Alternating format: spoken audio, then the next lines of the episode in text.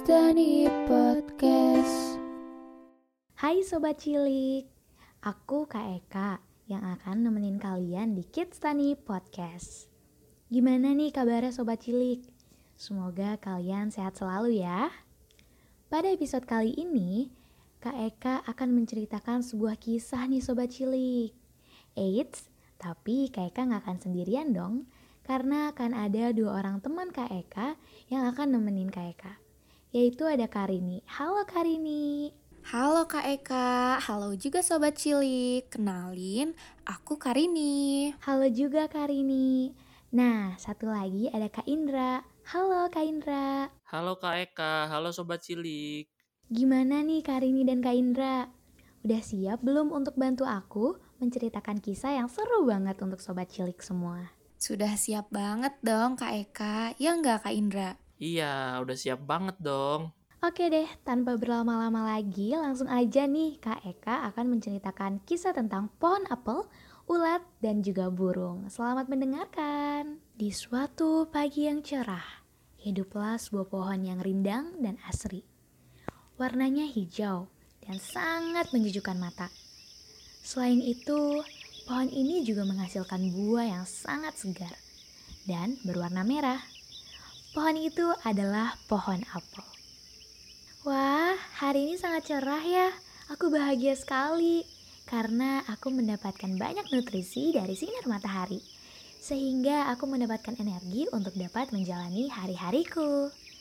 Dan aku juga saat ini sangat tidak sabar karena buahku sebentar lagi akan matang. Du du du du du, la la la la la. Aku senang sekali. Eh, ada burung. Halo burung, kamu mau pergi ke mana? Halo pohon apel, aku sedang ingin mencari makan di kebun jeruk. Oh, ya sudah, hati-hati ya. Dadah. Eh, ada kumbang, kupu-kupu, dan juga rumput. Halo semuanya. Hari ini aku sedang merasa senang loh. Semoga kalian menjalani hari dengan senang juga ya. Keesokan harinya, saat ia bangun, tiba-tiba si pohon apel menyadari ada yang tidak beres. Ternyata di buahnya yang sudah hampir matang itu terdapat ulat. Ulat tersebut memakan buah si pohon apel.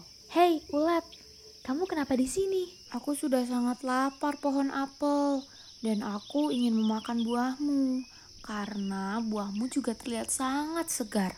Loh, loh, mengapa kamu asal memakan buah yang jelas-jelas adalah milikku? Aku hanya memakan beberapa buah saja kok. Lagian buahmu juga masih banyak. Tidak boleh. Tidak boleh seperti itu dong, ulat. Kamu belum meminta izin kepadaku. Berarti sama saja kamu sedang mencuri. Lihat, sudah berapa buah yang kamu makan. Padahal aku sudah sangat lama menunggu buah itu untuk matang dengan sehat.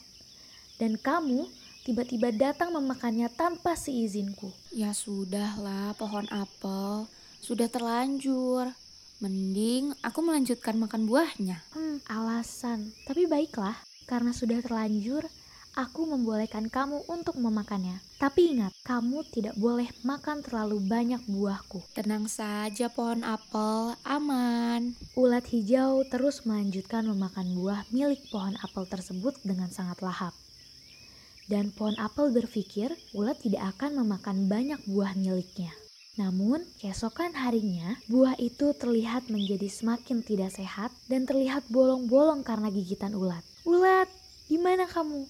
Cepat keluar sekarang. Kenapa lagi pohon apel? Kamu kan sudah mengizinkan aku untuk memakan buah milikmu.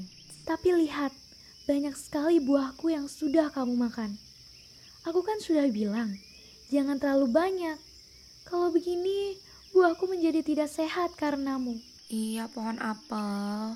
Maafkan aku ya. Aku tidak sengaja memakan buahmu secara banyak-banyak karena buahmu juga enak sih. Jadinya aku sangat lahap deh memakannya. Kamu pergi sekarang juga dari pohonku, ulat. Tidak, pohon. Aku masih mau berada di sini bersama dengan buah-buahmu. Hei, ulat. Aku tidak suka jika kamu berada di sini. Cepat sekarang kamu pergi. Aku tidak mau tetap berada di sini dan akhirnya nanti kamu akan mengundang teman-temanmu yang lainnya untuk datang. Buahku akan semakin jelek jika kamu tetap berada di sini. Cepat pergi ulat. Ulat hijau tidak mendengarkan perkataan pohon apel. Ia langsung masuk kembali ke dalam buah milik pohon apel itu. Pohon apel pun semakin kesal dan rasanya ia sangat ingin menangis saat itu.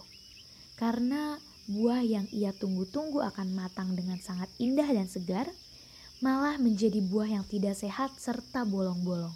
Pohon apel akhirnya berpikir untuk mencari solusi dari permasalahan yang sedang ia hadapi saat ini. Hmm, apa yang harus aku lakukan untuk bisa menghilangkan ulat? Aku ingin menangis sekali rasanya. Buah-buahku malah menjadi jelek dan bolong-bolong. Tiba-tiba, burung melewati pohon apel. Burung, kemarilah, aku ingin bicara padamu. Pohon apel tiba-tiba saja terpikirkan untuk menghilangkan ulat dengan menyuruh burung membawanya pergi. Ada apa pohon apel? Kenapa kamu memanggilku? Apakah kamu mau membantuku kali ini, burung? Membantu apa pohon apel? Jadi, sudah dua hari ini ada ulat yang sedang memakan buahku. Awal mula aku memang mengizinkannya, karena aku berpikir ia tidak akan memakan buahku terlalu banyak. Tetapi semua di luar dugaanku.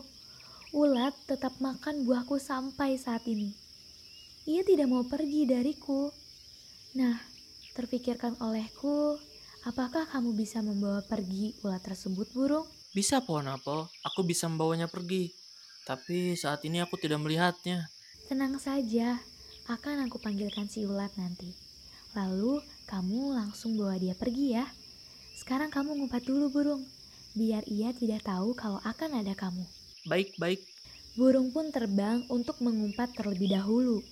Ulat, ulat, cepatlah keluar. Ada yang ingin aku bicarakan.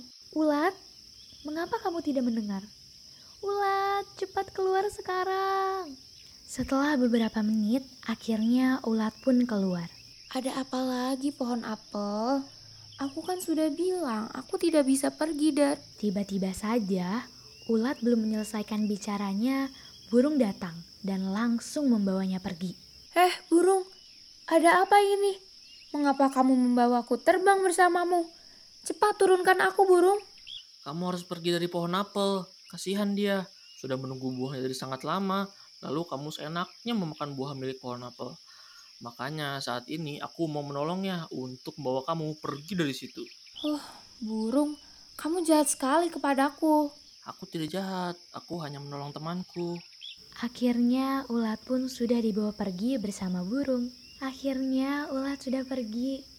Kasihan sekali beberapa buahku sudah banyak yang dimakan olehnya.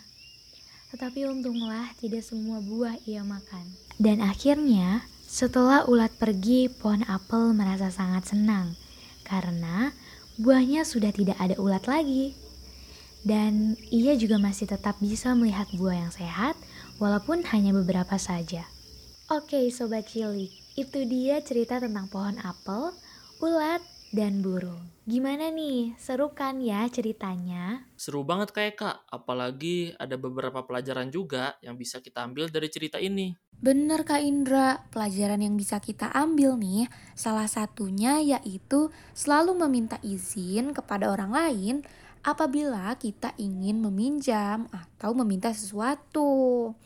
Bukan malah bersikap seperti ulat yang seenaknya memakan buah selagi pohon apel tertidur. Wah, iya bener banget Karini. Ada juga nih pelajaran lainnya Karini Kaindra, yaitu kita harus menempati janji atau perkataan kita. Jangan sampai kita mencontoh perilaku ulat. Ia sudah berjanji kepada pohon apel untuk tidak memakan buah secara berlebihan. Tetapi ternyata ulat malah memakan pohon apel sampai buah-buah tersebut bolong-bolong semua dan menjadi tidak sehat.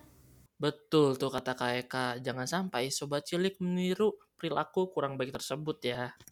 Oke deh sobat cilik, gak kerasa nih Kak Eka, Kak Indra, dan Karini udah di penghujung episode kita kali ini.